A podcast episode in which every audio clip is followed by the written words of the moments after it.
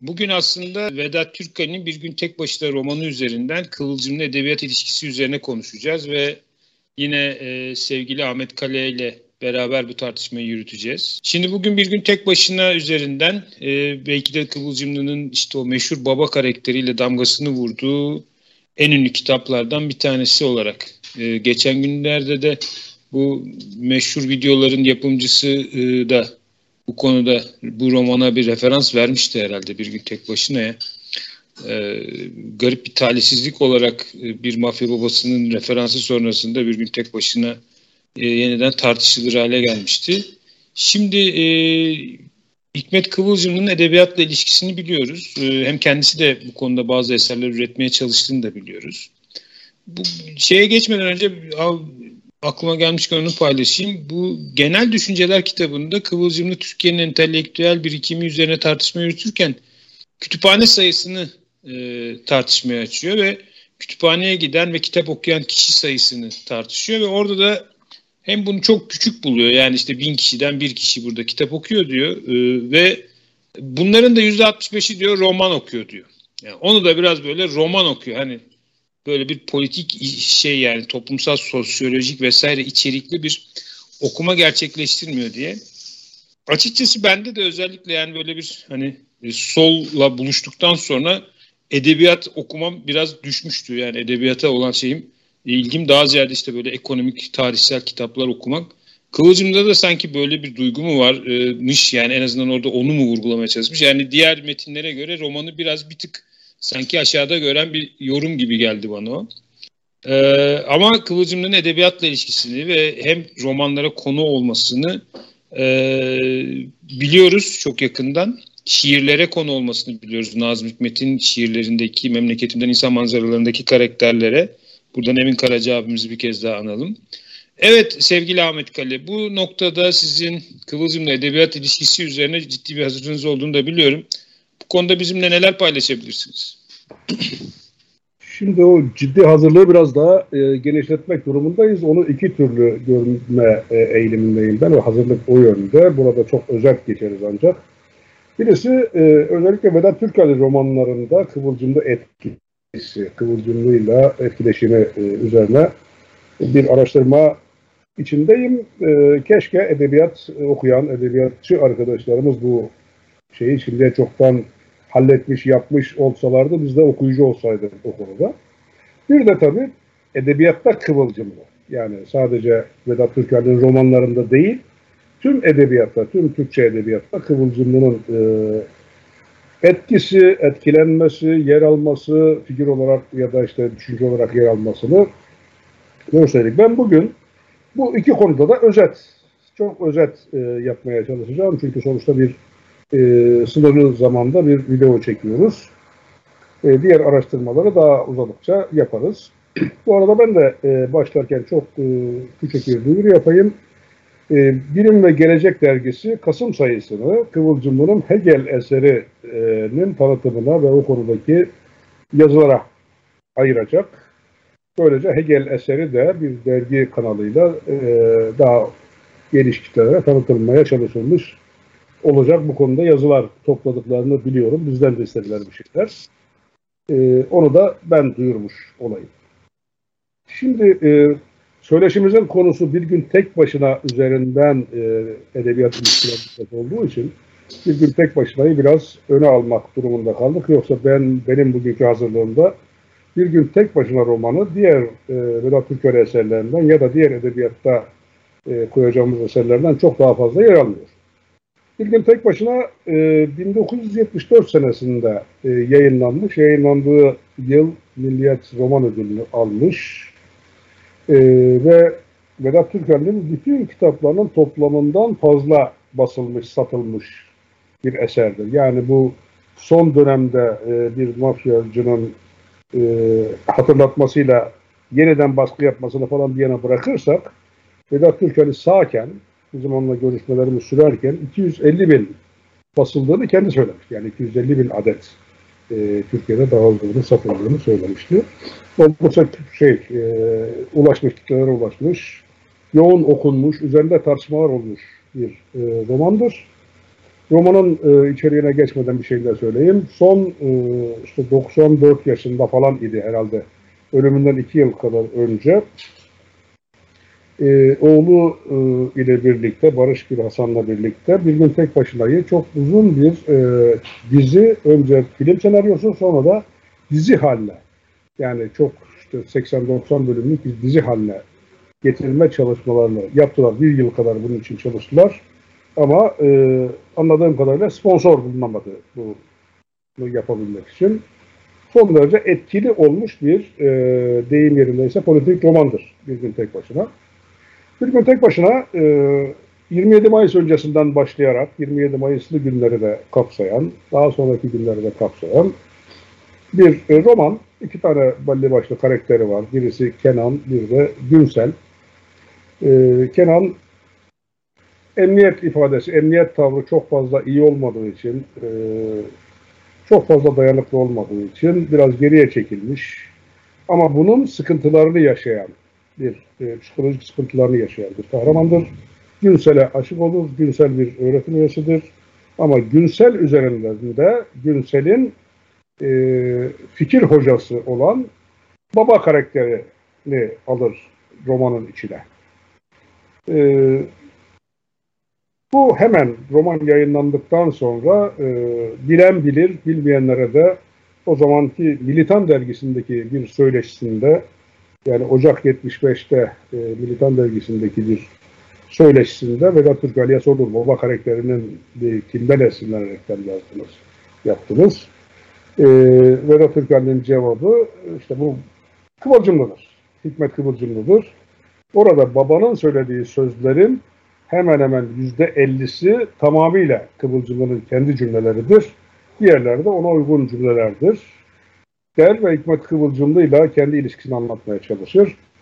Keza 2008 yılında, 2009 yılında pardon yapılan bir gene bu seneki gibi topluca diğer grupların katılımıyla da yapılan bir Kıvılcımlı anmasının e, konuşması sırasında, su tiyatrosunda yapılan konuşma sırasında da gene aynı şeyleri söyler. Ben e, Kıvılcımlı'dan çok etkilendim. Biz ne öğrendiysek Kıvılcımlı'nın broşürlerinden, risalelerinden öğrendik. Ve o benim bütün hayatımı, edebiyat hayatımı da çok etkiledi der. Ee, baba karakteri Kıvılcımlı e, ağzından söylettiği karakter daha çok e, yanına gelen gençlere, e, özellikle Günsel üzerinden yanına gelen gençlere işte e, tek parti dönemini, daha sonra çok partiliye geçişi, Kemalizmle e, çekişmelerini, e, İnönü'nün siyasetteki etkisini, daha sonraki işte Demokrat Parti'nin e, baskılarını e, anlatarak onları yönlendirmeye çalışır. Devrimci hareket içinde belli bir yönlendirme yapmaya çalışır. Bundan sonrasını, bundan daha genişini ben hem araştırmaya hem de arkadaşların okumasına bırakmak isterim. E, pardon yanlış hatırlamışım. Ocak 1976 Militan Söyleşisi. Militan dergisinin 13. sayısında özellikle Vedat Türker'in ağzından baba karakterine verdiği önem e, açık, e, uzun şekilde anlatılır. E, Vedat Türker'in diğer romanlarında da e, Kıvılcımlı sık sık figür olarak yer alır. Kendisinin bir deyimi vardır. Yani beni anlamak isteyenler güven romanına baksınlar. Güven romanında ben daha çok kendi düşüncelerim, görüşlerimi anlattım der. Türkiye'de sohbetlerde söylediği, bazı yerlerde yazdığı bir şey var. Ben tek parti döneminden itibaren Türkiye Sosyalist Hareketi'nin, Türkiye Siyasi Hareketi'nin daha doğrusu sadece Sosyalist Hareket'in değil, Türkiye Siyasi Hareketi'nin bir e, tarihi panoramasını çizmeye çalışıyorum der. Güven örneğin 40'lı yılları gelir, 40'lı yıllar alır. E, bir gün tek başına 50'li yılların sonu 60'lı yıllara gelir. Kayıp romanlar 70'li yılları açıklamaya, anlatmaya çalışır. Yalancı Tanıklar Kahvesi 70'li yılların sonuyla 80'li yıllardır. E, bitti bitti bitmedi artık en son e, Kürt hareketinin gelişmesi Ermeni e, konusuna girdiği romanlardır. Bu arada araya sıkıştırdığı tek kişilik ölüm ve komünist de vardır. Bütün bunlarla da e, siyasi hareketlerle bağını anlatmaya çalışır. Güven romanında Kıvılcımlı cezaevinde olduğu bir dönemdir. O yüzden herhangi bir figür olarak olmaz. Ama Güven'in kahramanlarından, baş kahramanlarından işçi e, da e, Sahir Bey diye aydın birisine bir e, şeyler teslim eder. E, dokümanlar teslim eder. O dokümanların içinde tembih eder. Burada Kıvılcımlı'nın Kürt meselesine yaklaşımı da var. E, zaten güvendeki anlatıcıda Kıvılcımlı'nın Kürt meselesinde ayrıntılı bir incelemesinin olduğunu ama bunun parti kademelerinde fazla tartışılmadığını beyan eder, geçer. Güvende de bu şekilde Kıvılcımlı yerini alır. Kayıp romanlar e, gene Kıvılcımlı'nın e, bir adının sık geçtiği e, ama bu defa e, artık Kıvılcımlı'nın kaçış döneminde, geçen programlarını yaptık onun kaçış e, dönemindeki bir sürü usulsüzlüğü, bir sürü haksızlığı e, orada Vedat Türkeli bir kahramanın ağzından ne kadar e, haince, alçakça, kalleşçe Kıvılcımlı'ya e, davranıldığını e, anlatır. Kıvılcımlı'dan yana tavrını bir kere daha koyar. Yalancı Tanıklar Kahvesi'nde ise bu defa Kıvılcımlı'nın dine verdiği önem e, göze batırılır. E, belki ayrıntılı incelememizde daha eleştirel bir bakışla gireriz ama e, Yalancı Tanıklar Kahvesi'ni okurken e, çok dikkatimi çekmişti. Sanki böyle kıvılcımlı okuyan herkes kendiliğinden dine yönelir gibi bir izlenim veriyordu romanın içinde. Bu beni irite ettiydi. Yani böyle bir tamam kıvılcımlı dine önem verir, dini duyguları e, böyle bir ateist tepkiyle karşılamaz. Onu anlamaya çalışır, anlatmaya çalışır, tarihsel maddeci bir açıdan bakmaya çalışır.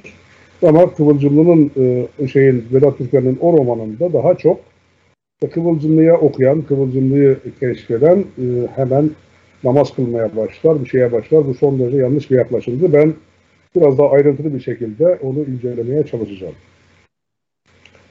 Tek kişilik ölüm romanında e, daha çok işte cezaevinde açlık grevine yatmış bir gencin ebeveynleri üzerinden ki orada baba gene e, biraz hareketten elini ayağını çekmiş bir şeydir. Anne daha dirençli birisidir.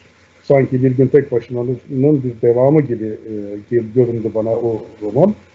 E, orada parti tarihine daha çok girer. Bir yaşlı komünistin ağzından da Türkler. Orada da Kıvılcımlı'yı partinin üretken kanadından boyun eğmez kanadından işte daha çok e, partiye ve işçi sınıfına sahip çıkan kişi olarak görür. Bir de tabii bu edebi romanlarının yanında Kıbrıs Vedat Türkel'in kendi e, otobiyografisi gibi gördüğü e, komünist e, adlı bir eseri bir şeyi vardır. O otobiyografide de gene Kıvılcımlı'yla ilişkisini, Kıvılcımlı'la neler öğrendiğini anlatmaya çalışır. Bazı yazılarında da, e, polemiklerinde de özellikle mesela Yalçın Küçük'le olan polemiğinde e, Yalçın Küçük'ün e, bir lafına karşılık Kıvılcımlı'yla kendi ilişkisini anlatır. Zaten Sosyalist gazetesinde yazıları vardır. E, şey, Umut filmi üzerine özellikle Vedat Türkmen'in yazısı vardır. E, her zaman her yerde de Kıvılcımlı'yı kendi e,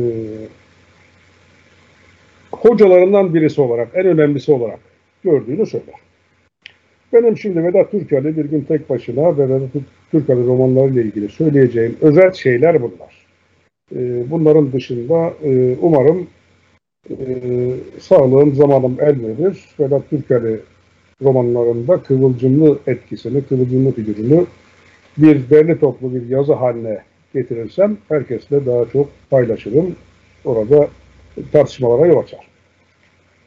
Buradan edebiyatta kıvılcım, Türkçe edebiyatta kıvılcımlı e, etkisi ya da etkilenmesine geçmek istiyorum.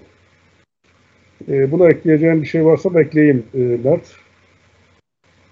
Yoksa devam edeceğim. Şu tam geçmeden Fethi Naci'nin yazmış olduğu Yüzyılın Yüz Türk romanı arasında da var şey e, bu Bir Gün Tek Başına. Fethi Naci aslında benim e, çok sevdiğim bir edebiyat eleştirmeni, önemli bir eleştirmen. Tip kökenli galiba diye hatırlıyorum evet. ama değil mi? Evet.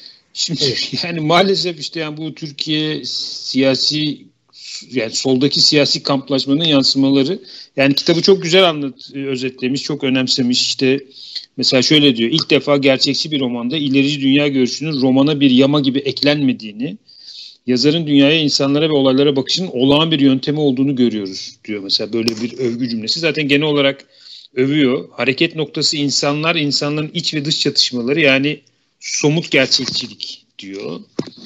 Kenan'ı kararsız bir küçük burjuva aydını e, bu kadar böylesine bir ustalıkla canlandırabilmek, edebiyatımızda belli bir dönemin unutulmaz bir kahramanlık kazandırmak böyle bir dünya görüşü olmadan kolay kolay gerçekleştirilemezdi diyor. Yani bunları anlatıyor, hakkını veriyor gerçekten ama mesela şimdi babayla ilgili bölüm şöyle. Söz gelimi diyor. E, şimdi Vedat Türkali diyor bu kitapta işte solcu çevreleri hataları ve sevaplarıyla yansıtmaya çalışıyor. Bir yandan Stalinciliğin sürüp giden uzantılarını ve bu uzantıların yol açtığı mutsuz olayları anlatırken bir yandan da o çevrenin olumlu yanlarını gösteriyor. Söz gelimi bilimsel doğruların bir işçide nasıl bir yaşam kılavuzu durumuna geldiğini yani bunu olumlu taraf olarak gösteriyor herhalde. Nasıl yaşayan bilgi durumuna geldiğini gösterirken bir önemli solcunun tırnak kim olduğu belli değil yani. Bir önemli solcunun. Yani burası süper yani işte. E, kendisi bilmiyor. Tahmin edememiş herhalde Fethi Susuş. Susuş. Hayır. Evet. Yani bir önemli solcu. Yani artık yani parantez içinde evi neredeyse tekke haline gelmiş. Ee, burada da Kıvılcım'ın kendi dervişliğine referansında bir vurgu var gibi. Uzaktan uzağa kişiye tapınmayı çağrıştıran biri bu diyor.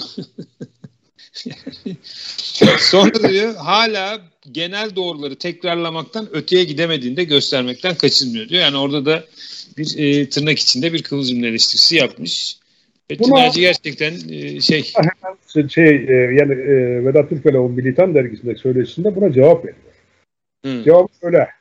Metin Hacı dostum beni kayırmaya çalışmış orada diyor. Hı. Yani diğer şeylere önem vermeyip beni kayırmaya çalışmış.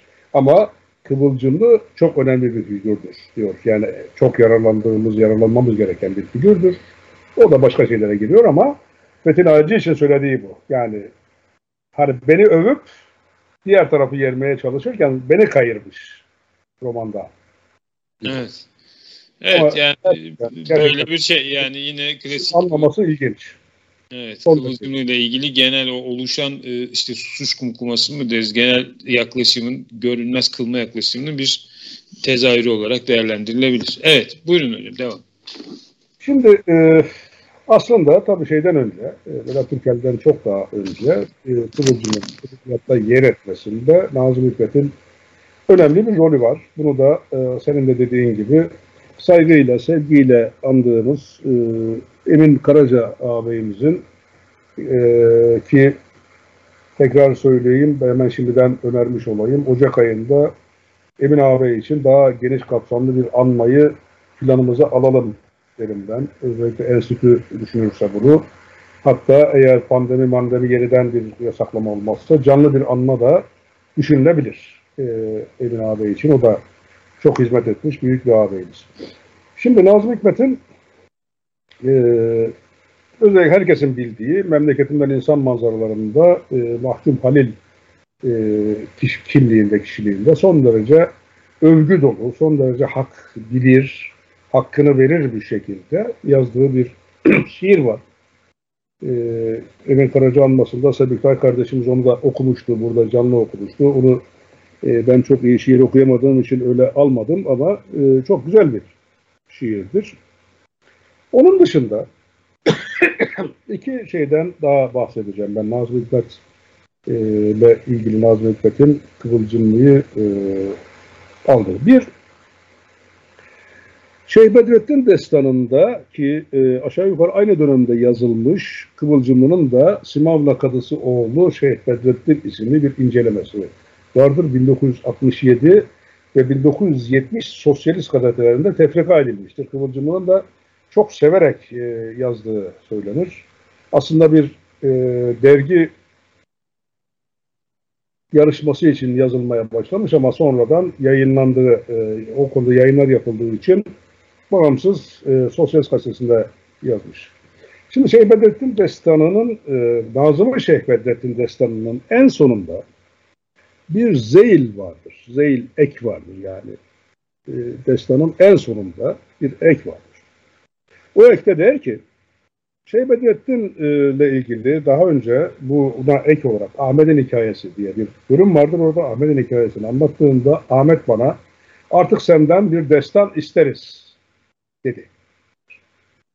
Ve onu da orada en sonunda Şeyh Bedrettin Destanı'nı birlikte karşılıklı okuduktan sonra Ahmet denen kişinin, Ahmet denen e, romana şeyin aldığı, Zeyla aldığı kişinin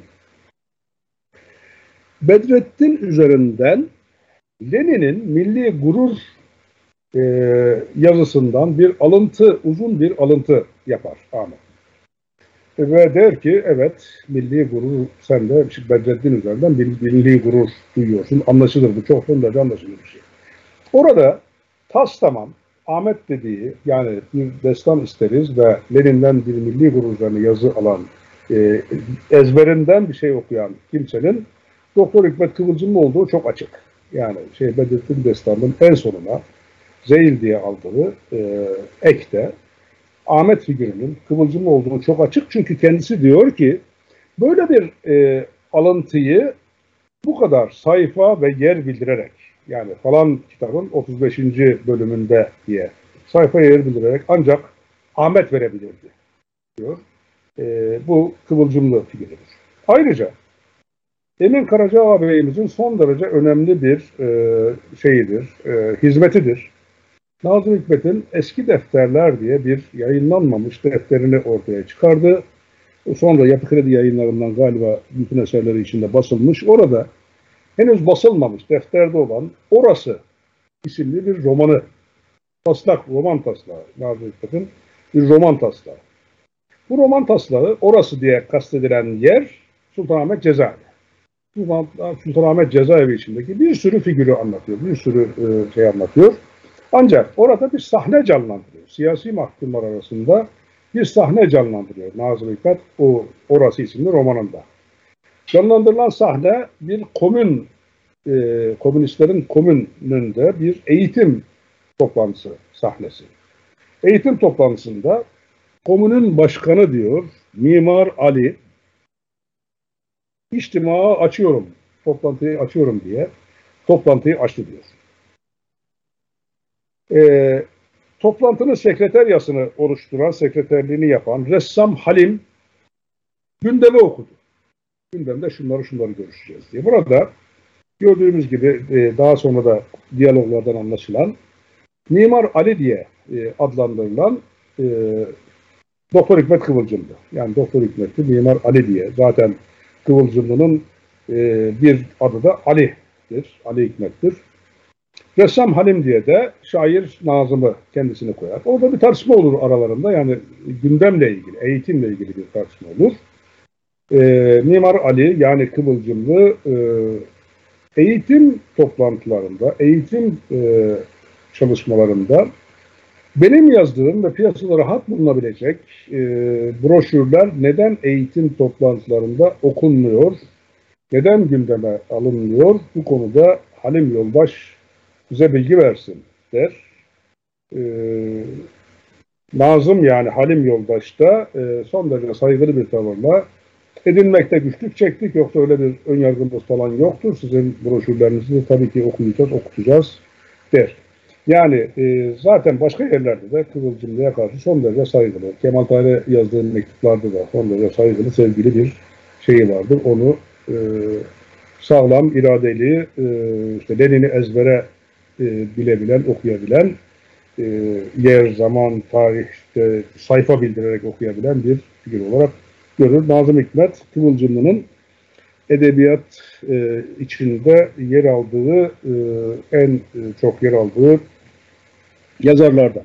Çok fazla değil ama işte en çok yer aldığı yazarlardan birisi.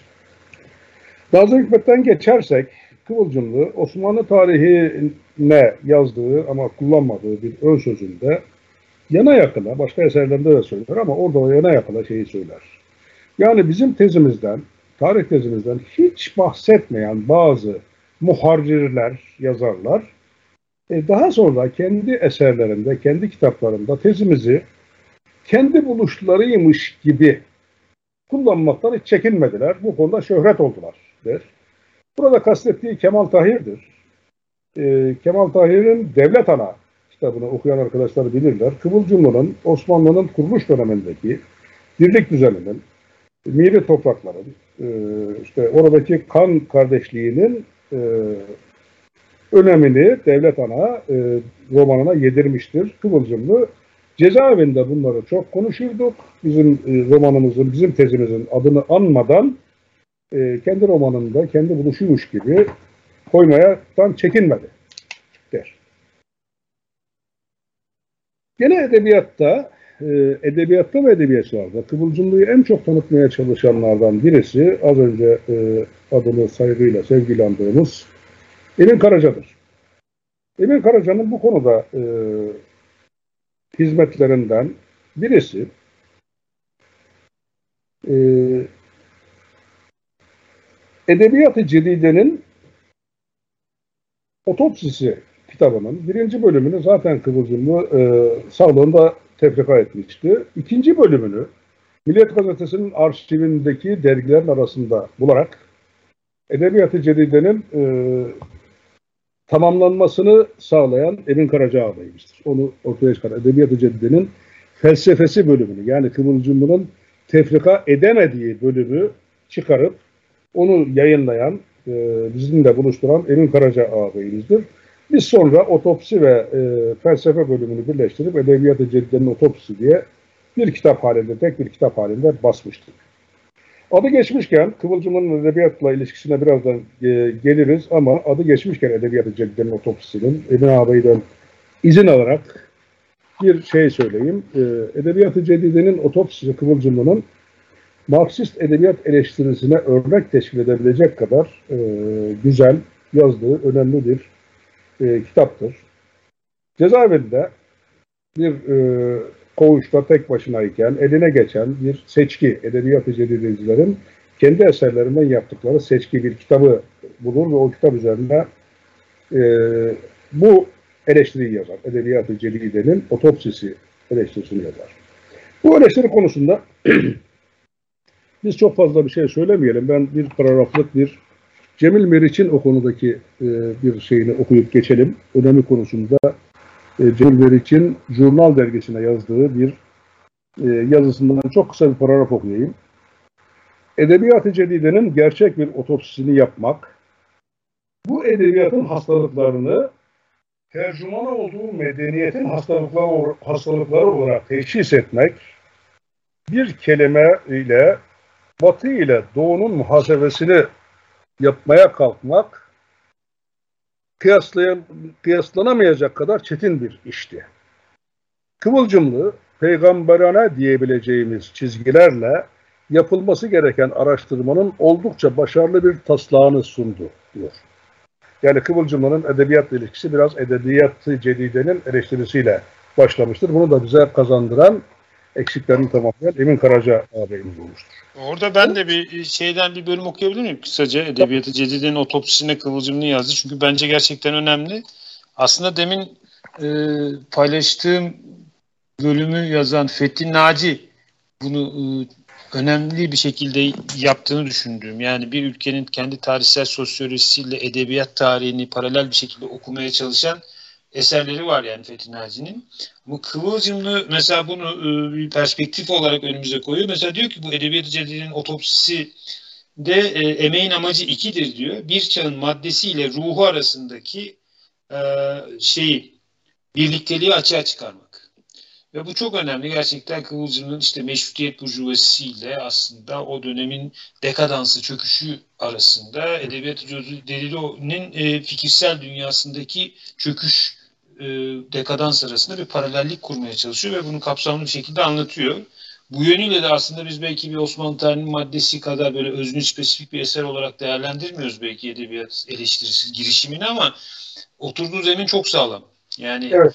e, yani bu tarihsel yapı, doku, oradaki egemen sınıfın egemen düşünceleriyle edebiyatın e, üzerinde hareket ettiği temel parametreleri e, birlikte okumaya çalışmak bence çok doğru ve gerçekçi bir edebiyat eleştirisi zemini sağlıyor.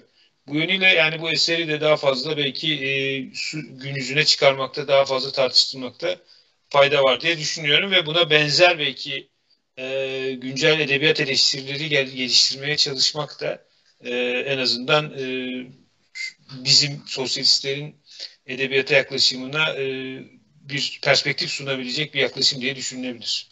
Çok teşekkürler. Çok doğru, iyi bir katkı oldu.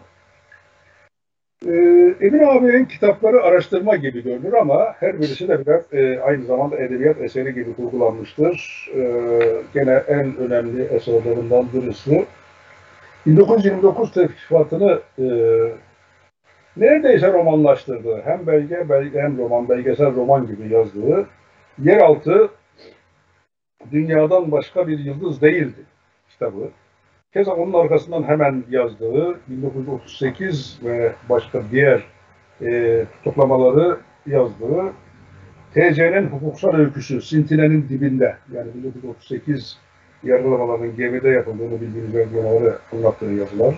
Ve en sonunda da gene sanki otobiyografik bir romanmış gibi İnadın ve Direncin adı Kıvılcımlı kitabıyla da e, Kıvılcımlı'yı edebiyat çevrelerinde, gazeteciler çevresinde tanıtmaya çalışan çok güzel eserler, kitaplar vermiştir. Nihayet daha yakına, daha yakın bir zamana geldiğimizde e, baş kahramanı neredeyse, baş kahramanlarından birisi Kıvılcımlı olan e, bir roman yayınlandı. 2000 e, işte 10 bu yıllarda 2010'a gelirken e, Ahmet Tezcan isimli sağ cenahtan e, Cumhurbaşkanı Başbakanken onun bas, basın müşavirliğini yapan basın e, daha sonra da sağ cenahtaki televizyonlarda diziler yapan e, daha çok edebiyatçı yönünü öne çıkarmaya çalışan Ahmet Tezcan isimli bir e, yazar Kıvılcımlı'yı konu alan e, bir roman yazdı. Emin Karaca ile ben bu konuyu yok çok yakından takip ettik. Yazılış sürecini yakından takip ettik. Sağ olsun bizi de e, o yazma serüveninin içine kattı, tanıştı, konuştu. Yayınlanmadan önce görüşlerimizi aldı. Ve Kafiron isimli bir kitap çıkardı. Bu Kafiron kitabı Kıvılcımlı'nın Kırşehir'de, Kırşehir cezaevinde yaptığı dönemlerde Kıvılcımlı Kırşehir cezaevi, Kırşehir'in e, halkı, Kırşehir'de annesinin Kırşehir'e gelip onu ziyaret etmesi, Ahmet Tezcan'ın babasıyla olan e, ilişkiler, onun da adı Hikmet'miş. İki Hikmet'in öyküsünü yazıyorum demişti zaten. E, Nurcu bir e, mürit olan Ahmet Tezcan'ın babası ile komünist Hikmet'in e, birbirini anlar ve birbiriyle e, hoşgörü içinde, tolerans içinde konuşmalarını, tartışmalarını konu eden bir romandı. Biz sevdik, o zaman e, tavsiye ettik herkese, görüşüldü, konuşuldu. Kafir'in romanının baş kahramanlarından birisidir Kıvılcımlı. E, aşağı yukarı Kıvılcımlı'nın hakkını vererek, ona çok saygılı davranarak, onun e, hakkını hiç yemeden e, edebiyata kazandırılmış bir figür olarak işlemiş bir romandı. Bunu bir üçleme olarak düşünüyordu Ahmet Tezcan. İkinci kitabı da yazdı. Sarı ismiyle ikinci kitabı da yazdı. İkinci kitabında da gene bir öğretmeninin üzerinden, öğretmenini Kıvılcımlı'dan etkilenmiş bir e, öğretmen olarak öğrencilerle ilişkisi, kendisiyle ilişkisini katarak gene Kıvılcımlı ikinci kitabında da bir olumlu figür. E, insanları olumlu etkileyen, olumlu şeyler yapmalarına yol açan, kişiliklerini o yönde e, iyileştirmeye çalışan bir insan olarak söyledi. Gene Ahmet Tezcan e, bir televizyona yaptığı Yedi Güzel Adam dizisinde ara sıra Kıvılcımlı'dan sözler, Kıvılcımlı'dan bir şiir katarak e, gene Kıvılcımlı'ya olan saygısını e, kitaplarına, dizilerine, senaryolarına katmaya çalıştı. Son olarak e, Kıvılcımlı'nın edebiyat ilişkilerine geçmeden son olarak bir anayım. E, Bilge Söylenur önce bir film senaryosu yazmıştı. Onu e, çıkaramadı. Fatma Nurdiye Yalçı'yı esas alan, onu e, oyunlaştıran bir oyunla. Şimdilerde İstanbul'da e, şehir tiyatrolarında oynanıyor sanıyorum. E, Yaftalı Tabut isminde bir e, oyun tiyatro eserinde e, bu eserde e, Kıvılcımlı'ya e, son derece geniş bir yer vermiş. Onu, ondan bağımsız olarak yani onun yazdıkları bazı şeyler e, oyunlaştırılırken, sahneye konulurken törpülenmiş, azaltılmış, çoğaltılmış. Ee, senin sesin gelmiyor Mert. Bir şey mi söylüyorsun? Yok burayla ilgili bir şey değil. Burayla ilgili bir şey değil. Anladım, anladım. Yaftan Tabut oyununda e, Kıvılcımlı son derece saygıyla, sevgiyle e, aslında uygun olarak e, Fatma Hanım'la ilişkileri, devletle olan e, ilişkileri, devlet olan ilişkisizlikleri, devletin baskıları son derece güzel bir şekilde verilmiş. Ben İstanbul'dayken 10 gün önce, 15 gün önce e, Reşat Nuri sahnesindeydi. Şimdi sanıyorum e, İstanbul içi turneyle başka bir yere gitmiş olabilir. Onu da e, bütün arkadaşlara tavsiye edeyim. Buradan Kıvılcımlı'nın kendi edebiyat ilişkilerine e, geçmeye çalışayım. Kendisinin edebiyatı olan ilişkilerine. Kıvılcımlı e, şiir denemeleri yapmış. Bu şiir denemelerinden birisini sadece 1957 senesinde bir işçi sendikası kongresini hicvettiği, nükteli bir şekilde yazdığı Soğan Ekmek Kongresi isimli uzun bir şiiri yazmış. Ama bunu e, 60 sonrasında yayınlamış çünkü 27 ee, Mayıs öncesi Nisan e, gençlik şehitlerine adandığını söylüyor. Bu uzunca bir şiir, e, yayınlanmış tek edebi eseri diyelim şimdilik. Onun dışında halen Hollanda'daki Uluslararası Sosyal Tarih Enstitüsü USTE'de bulunan yığınla e, edebi eseri var. Yayınlanmamış. Kimisi yeni harflere aktarılmış, kimisi aktarılmamış. Bir kısmını bizim aktarttığımız ama henüz e, yayınlama imkanı bulamadığımız şeyler var. Bunları tek tek sıralamaya çalışayım. E, içer, içeriğini bildiklerimi de söyleyerek yayınlamaya, e, sıralamaya çalışayım. Kurşunlu Cami Mahallesi diye oldukça geniş bir roman var. Diyarbakır'daki Kurşunlu Camii'nin üstü kurşunla kaplı olan, o yüzden adı Kurşunlu Cami olan, Kurşunlu Camii'nin çevresindeki bir mahalledeki insan ilişkilerini anlattığı, daha çok şive örnekleri kullandığı bir romanı var. Bu roman e, dizildi de artık. Yani bir ara daktiloydu, pek okunamıyordu. Onu e, sağ olsunlar Notabene'deki teknik servisteki arkadaşlar dizdiler de onu. Elimizde dizilmiş hali de var. Üzerinde çalışılıp yayınlanacak hale gelmiştir. 400 sayfaya ulaşan bir roman olur. 1945 ee, senesinde tarihlediği Kopil diye bir e, şey var, uzun öyküsü var. Ee, biraz böyle e, bitirim bir delikanlı, bitirimler arasında olan bir e, geçen bir konusu var. Bu da yeni harflere aktarılmış ve daktilo edilmiş, dizilmiş halde elimizde var. Kaderin kaderi diye ee, yani bir işçi çocuğunun, bir e, köy çocuğunun işçileşme serüvenini anlattığı, başka bir kaderin olmaması, olamayacağını anlattığı 1957-59 diye tarihlenmiş bir başka uzun öykü var. Bu da yeni harflere aktarılmış, dizilmiş halde elimizde.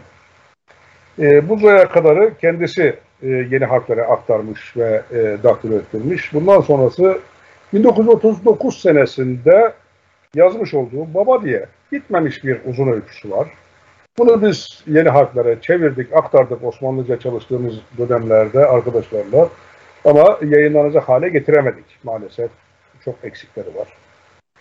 Gene Şeytana Kandil diye 1940 senesinde e, yazdığı bir hastane koğuşundaki insan tiplemelerini konuşturduğu, bir orada bir e, hafif bir e, dramatik aksiyon verdiği, gene bizim eski yazıdan çevirmeye çalıştığımız ama yayınlanacak hale getiremediğimiz, biraz destek isteyen, takviye isteyen bir uzun öykü daha var.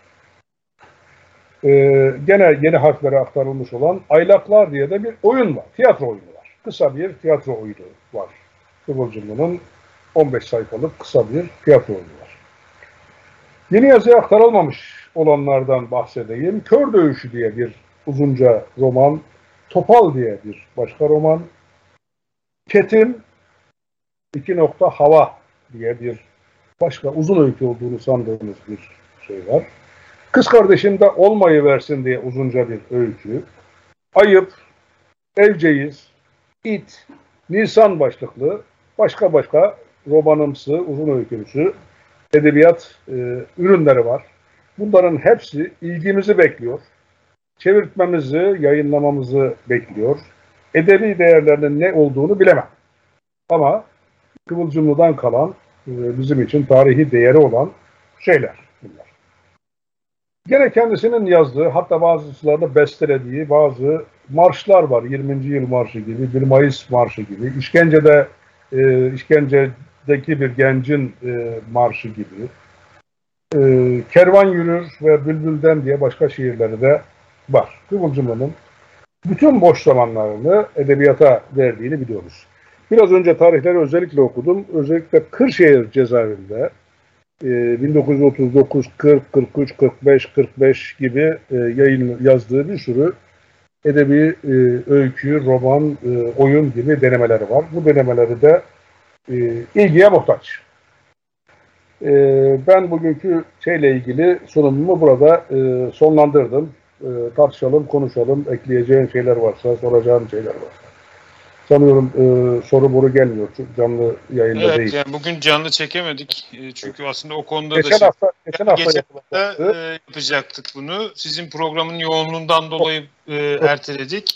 Aslında bu hafta bir e, Osmanlı tarihinin maddesi oturumu düşünmüştük. E, o en son Yordam'dan çıkan e, kitaba ön söz yazan Necmi Erdoğan hocamızı e, burada ağırlamak istemiştik ama Necmi Erdoğan yine rahatsızlığından dolayı bu hafta sonunda bir operasyon, küçük bir operasyon daha geçireceğini söyledi ama önümüzdeki günlerde yine e, bu imkanı zorluyoruz. Yani ben bu programda mutlaka Necmi hocamızı dinleme şansına ulaşacağımızı düşünüyorum. E, o yüzden bu haftaki programımızı da böyle bir bant yayın olarak yayınlayacağız yarın. E, canlı olarak çekemedik. O yüzden soru alamıyoruz ama az önce biz e, programın başında konuşmuştuk. Bu Şeyh Bedrettin, Hakikat Şeyh Bedrettin diye geçtiğimiz haftalarda e, sahne alan bir filmimiz var. E, izleyen izleyicilerle buluştu. Bu film işte e, Bülent Emrah Parlak e, Torlak karakterini canlandırıyor. Börtüce, karak Börtüce karakterini canlandırıyor. Suavi galiba Bedrettin karakterini evet, canlandırıyor. Hakan Alak tarafından filme alınmış bir çalışma bu. Önemli bir çalışma bence. Yani yine aslında aynı e, tiyatro eserinde, Bilge Serensu'nun tiyatro eserinde olduğu gibi izlenmesi gereken, tartışılması gereken bir çalışma. Bununla ilgili olan e, bu yanılmıyorsam gazete duvarda bir e, söyleşi vardı. Orada e, sizin de dikkatinizi çekmiş. İşte e, Nazım Hikmet Şeyh Bedrettin'i Türkiye soluna hediye etti diye. Aslında Şeyh Bedrettin'in de e, Nazım Hikmet'in ilgisini çekmesinde Kıvılcımlı'nın önemli bir rol oynadığını e, biliyoruz. Bu bahis konusunu, Şeyh Bedrettin'le ilgili bahis konusunu açanın da e, Kıvılcımlı olduğunu biliyoruz. Bu konuda siz neler söylemek istersiniz? Yani konuşmanın içinde söyledim ama burada daha spesifik soru olduğu için söyleyeyim. E, Nazım'ın kendisi söylüyor bakın Şeyh Bedrettin Destanı'nın en sonunda kendisi diyor ki buna bir zeyl eklemek zorundayım artık. Yani bir ek yapmak zorundayım diyor. Ekinde de diyor ki Şeyh Bedrettin üzerine e, konuşurken Ahmet diye bir kahramanı var. Ahmet Balkan bozgunuyla gelirken dedesinden Şeyh Bedrettin hikayesi duydu. Diyor. E, Balkan bozgunundan 10 yaşında 9 yaşındaki e, Ahmet geliyor e, Kıvılcımlı da 9-10 yaşlarında Balkan bozgunuyla e, o kalabalıklarla birlikte İstanbul'a gelmiş birisi. Orada Koğuş'ta e, Ahmet bana senden bir şey Bedrettin destanı bekleriz artık dedi diyor. Artık Ahmet'in küçüklüğünde e, anlattığı öykü değil. Yani cezaevinde birlikteler. Burada Ahmet senden bir şey Bedrettin destanı bekleriz artık dedi. Aynı dönemlerde Kıvılcımlı'nın da yazdığı bir Şeyh Bedrettin incelemesi var. Yani teorik bir inceleme var. E, Bedrettin'in geçmişi, düşünceleri, varidat üzerine bir incelemesi var. Keza e, o tartışma içinde senden bekleriz dedikten sonra okudum diyor. Yani yazdım, Bestan'ı okudum. Bestan'ı okuduktan sonra Ahmet bana dedi ki diyor, Şeyh Bedrettin de senin yazdıklarına bakarsak bir milli gurur görüyorsun. Kendine bir milli gurur çıkarıyorsun buradan diyor. Ve bu milli gururla ilgili Lenin'den bilmem kaçıncı ciltten 35. sayfadan bir pasaj okuyayım dedi ve ezberinden bir pasaj okudu diyor. Milli gururla ilgili. Yani Lenin bizim tabii geçmişimizle ilgili bir gurur duymamız e, olağandır, doğrudur diye. Bunu diyor Ahmet'ten başka birisine sorsaydık ya Lenin böyle bir şey söylemişti galiba derdi. Ama Ahmet e, literatürü o kadar e, hakimdir ki onu bütün sayfasına kadar ezberinden söyledi. Ve ben sonra karşılaştırdım aynen Lenin'de olan e, cümlelerle söyledi diyor. Burada da kastettiği, aktardığı Kıvılcımlı'nın kendisi. Yani e, senden bir şey Bedrettin destanı bekleriz artık diyen de Lenin'den milli gurur üzerine bir alıntıyı harfi harfine, kelimesi kelimesine veren de Kıvılcımlı'dan başkası değil. Bunu Nazım söylüyor. Yani bana böyle bir öneride bulundu diye. Ee, yani bu bakımdan Nazım Hikmet çok güzel bir destanla, onun olağanüstü duygulu, coşkulu, güzel bir destanla Şeyh Bedrettin'i gündeme sokmuştur. Ama Kıvılcımlı'nın da Şeyh Bedrettin üzerine onu motive eden, ona teorik destek e, veren bir incelemeyle ve bir öneriyle onu harekete geçiren kişi olduğunu bildirmemiz, belirtmemiz lazım. Yani o suçu orada da e, görüyoruz. Biraz önce Fethi Naci'de gördüğümüz şunun bir benzerini burada da görüyoruz ya da bilgisizlik diyelim. Evet yani Kıvılcım da tabii yani bir aslında e, işçi sınıfı adına bir hegemonya inşa etme çabasında olduğu için daha yoldan itibaren biz burjuvazinin her sahada karşısına çıkmalıyız. E, dolayısıyla her sahada işçi sınıfı adına üretim yapmalıyız. İşte edebiyatı da bu sahalardan bir tanesi olarak görüyor. O hegemonya mücadelesinin bir parçası olarak görüyor ve burada aslında dilin kendisini de çok önemsiyor. Yani Burada yine biraz Gramsci ile paralellik kurarsak yani orada bir filolog olan Gramsci'nin işte e, şeyi Kıvılcımlı'da da yani bu dil üretmesi ve dil üremeciliğimiz diye bir kitabında aslında dil üzerine düşünüyor ve dilin iletişim içerisinde özellikle hegemonya inşasındaki rolü üzerine de e, kendisinden sonraki e, belki sosyal bilimlerdeki tartışmaları da biraz anımsatıcı bir biçimde dil üzerine yazdığı bir eser de var. Yani biraz da o kitaptan bahsedebilir misiniz? Türkçenin üreme yolları ve dil devrimciliğimiz. Kitabın adı bu.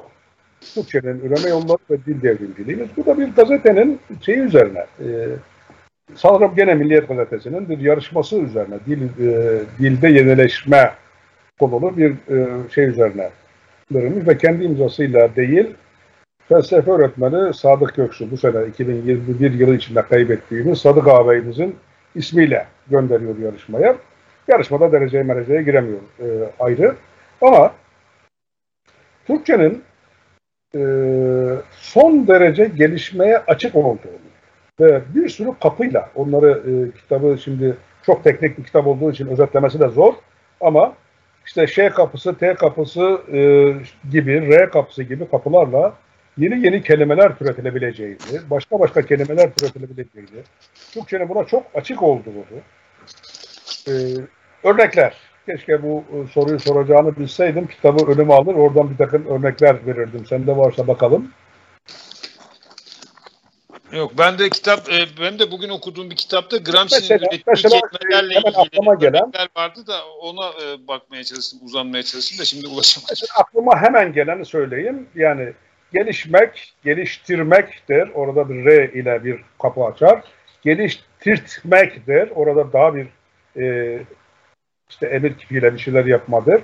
Yani bu kapılarla Türkçenin e, çok daha evet, çok daha şey yapma, e, gelişme şansına sahip olduğunu e, söyler ve kendisi de zaten e, kimilerine çok zor gelen, kimilerine garip gelen e, çok e, özel bir e, dilde her şeyi kullanma, her türlü olanağı, dilin her türlü olanağını kullanma gibi bir e, yapısı vardır.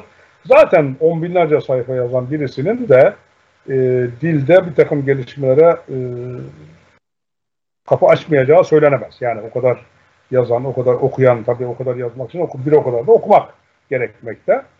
Ee, evet bu kitap Türkçenin Rame Yolları ve Dil Devrimciliğimiz. Ee, özellikle ben e, Kıvılcımlı'yı okuyan, izleyen arkadaşların bu e, şeylere, e, bu tür e, kitaplara çok önem vermeleri gerektiğini düşünüyorum. Bunlarla tartışmamız gerekir. Mesela e, sen çok haklı olarak Edebiyat-ı Cedide'nin otopsisi üzerine çok daha durmalıyız dedim. Belki onun üzerine e, paneller maneller yapmalıyız. Belki o konuda edebiyatçıları konuşturmalıyız. Burada da dilcilerle bunları tartışmalıyız. Hiç tartışılmadı çünkü. Yani Kıvılcım'ın bu dille ilgili eseri bizim aramızda bile hiç tartışılmadı. Tartışmayı hak eden e, çalışmalar bence. Evet yani bu çalışmalarda yani günümüzün bilimsel çalışmaların ulaştığı seviye açısından çok kayda değer şeyler olması da gerekli değil bence. Bunları önemli kılan Kıvılcımlı'nın yani mesela dil konusunun önemini fark etmiş olması ya da hani bir devrimci propagandanın kendine özgü bir dil yaratma ihtiyacı, kendi kavramlarını yaratma ihtiyacı. Aslında bunun da hegemonyanın bir parçası e, olduğunu algılamış olması ve bu yüzden de dil üzerine bu kadar düşünmüş olması e, aslında işte onu praksis meselesi açısından ele almamız gerektiğini gösteriyor. Çünkü bunların hiçbir kıvılcımlı için yani böyle bir 40 ambar çalışması kendisinin bu edebiyatı cedidenin otopsisinde söylediği gibi yani bilgelik böyle erudisyon e, Fransızca kelimeyi kullanmış orada da yani bir arayışından kaynaklanmıyor. Bunların hepsi aslında e, işte bir bahsettiğimiz o sınıfsal karşı hegemonyanın inşasında bunları nasıl araç olarak e, kullanabiliriz kaygısının evet. ve telaşının bir parçası. Bir de Kemal Tahir bahsiyle ilgili bir şey söylemek istiyorum. Aslında Kemal Tahir tabii çok önemli bir iş yapmış vaziyette. Çünkü bizim gibi aslında biraz da böyle hani şimdi o ilk başta programın ilk başında söylediğim yanlış anlaşılmasın. Yani Kıvılcım'ın edebiyatı önem vermiyor olduğu anlamında değil. Ama hani roman okunuyormuş yani bu kadarı da bu, bu kitap okuyanların da zaten çok az kitap okuyan var. Kütüphaneye giden var.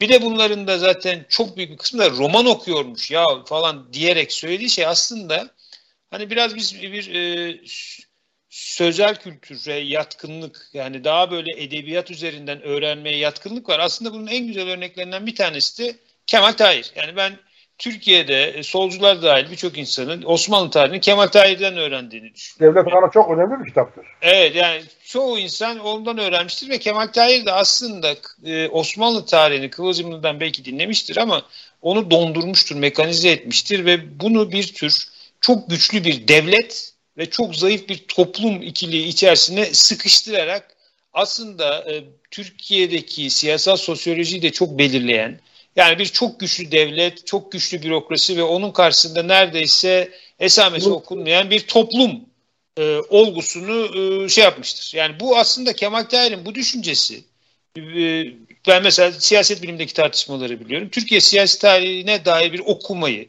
ve çok merkez çevre ilişkisi yani işte bu Şerif Mardinler vesaireler, Metin Heperler gibi yani Türkiye'de siyasi tarihi belirlenmesinde devlet dışında bir aktörün olmadığı, toplumun neredeyse hiç etkisinin olmadığı çünkü bir çok güçlü devlet yapısının olduğu ve her şeyin bunun tarafından belirlendi. İşte Çağdar Keyder'in e, Devlet ve Sınıflar kitabında da bunun izlerini görebiliriz ve bunun da bir tür sivil toplumculuğu aslında yani böyle bir katı devlet e, e toplum okumasının aslında bir tür e, sivil toplumcu liberal bir anlayışa açılması ve bunun da aslında AKP'nin kimi sol tarafından da desteklenmesine bir dönem meşruiyet kazandırdığı gibi bir e, sonucun ortaya çıkabildiğini düşünebiliriz. Yani bütün bu tarihsel siyasal okumadan. Dolayısıyla aslında bir toplumun, bir ülkenin aydınlarının, kendi ülkelerinin, toplumlarının tarihini e, bir e, edebiyat e, eserinden öğrenmelerinin belki de e, son derece çarpıcı e, siyasi yansımalarından biri olarak bütün bu gelişim sürecini görebiliriz diye düşünüyorum. Oysa mesela bence şeye baksak işte e, Osmanlı tarihinin maddesine baksak orada esas belirleyici unsurların tamamen devlet olarak belirlenmediğini, e, toplumun aslında belirleyen esas ana aktör olarak işte barbarların, ezilenlerin öfkesinin vesairenin sürecin her tarafında son derece etkin olduğunu, dolayısıyla devleti ve toplumu bir diyalektik bütün olarak ele almadığımızda, sadece merkeze devleti koyduğumuzda doğru bir e, siyasi tarih okumasına ulaşamayacağımızı görme şansımız olabilirdi. Ama bu tabii biraz daha sansasyonel ve biraz daha işte biz bize özgüyüz meselesinde Kemal Tahir'in e, böyle iyice köpürte köpürte anlatmasının da yarattığı bir karşılık var. E, kimi aydınlarımız hala Kemal Tahir'e e, referans vermeyi çok seviyor. Ben de Kemal Tahir'i çok seviyorum. Özellikle bu e, Eskişehir'in insanları. Eskişehir, evet. e, ben ona bayılırım yani hani çok çok iyiydi. E, ama bu Osmanlı tarihi meselesi üzerine yazdıklarının ben e, pek de hesaba gelmeyen bir takım siyasi sonuçlar yarattığını da bu ülkemizdeki sivil toplumculuğu hatta yetmez ama evetçiliğe giden bir tür tarih okumasını da mümkün kıldığını bu anlamıyla e, düşünüyorum. Bunun da altını çizmekte fayda var. Ee, şikayet etti, hiç bahsetmemesi diyor. Yani oradaki tezlerimizi kullandı ama hiç bahsetmedi. Ee, ondan diyor ki o konuda zaten çok şikayetçidir.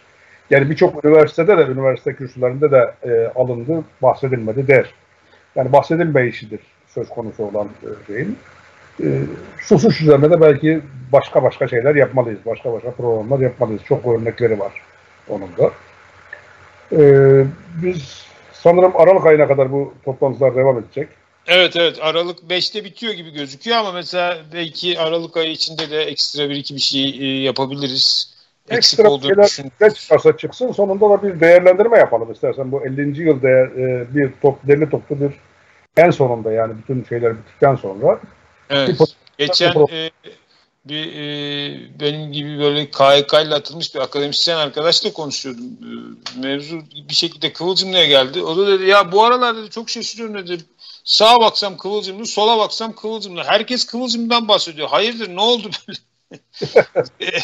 Dedim valla e, o fark ettiğin şeyin bir kısmından bir sorumluyuz herhalde. Yani çünkü e, bir su, su damlası da olsa yani bir, bir ne şey evet, yani sonuçta bir e, bir çaba bu sene gerçekten çok farklı kanatlardan Kıvılcımlı üzerine daha fazla düşünmek ve konuşmak için fırsat yaratmaya dönük çok yönlü çabalar ve çalışmalar oldu.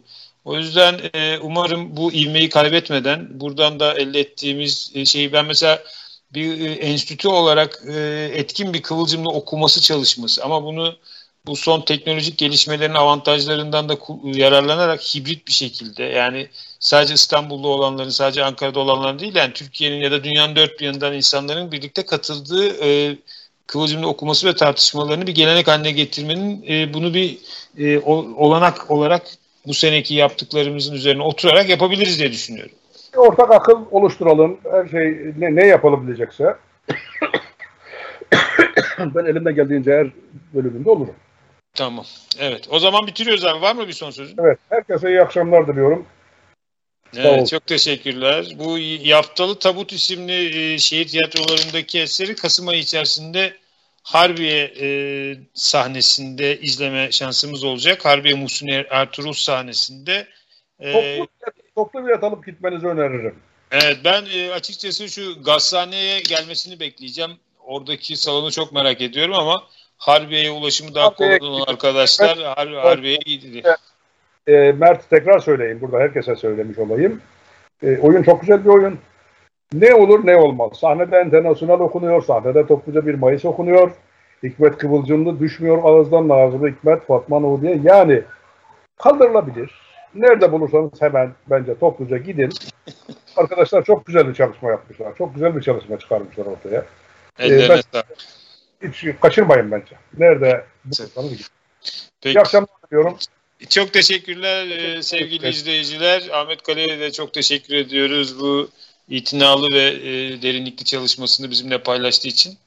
Saygılar, sevgiler. E, görüşmek üzere. Hoşçakalın.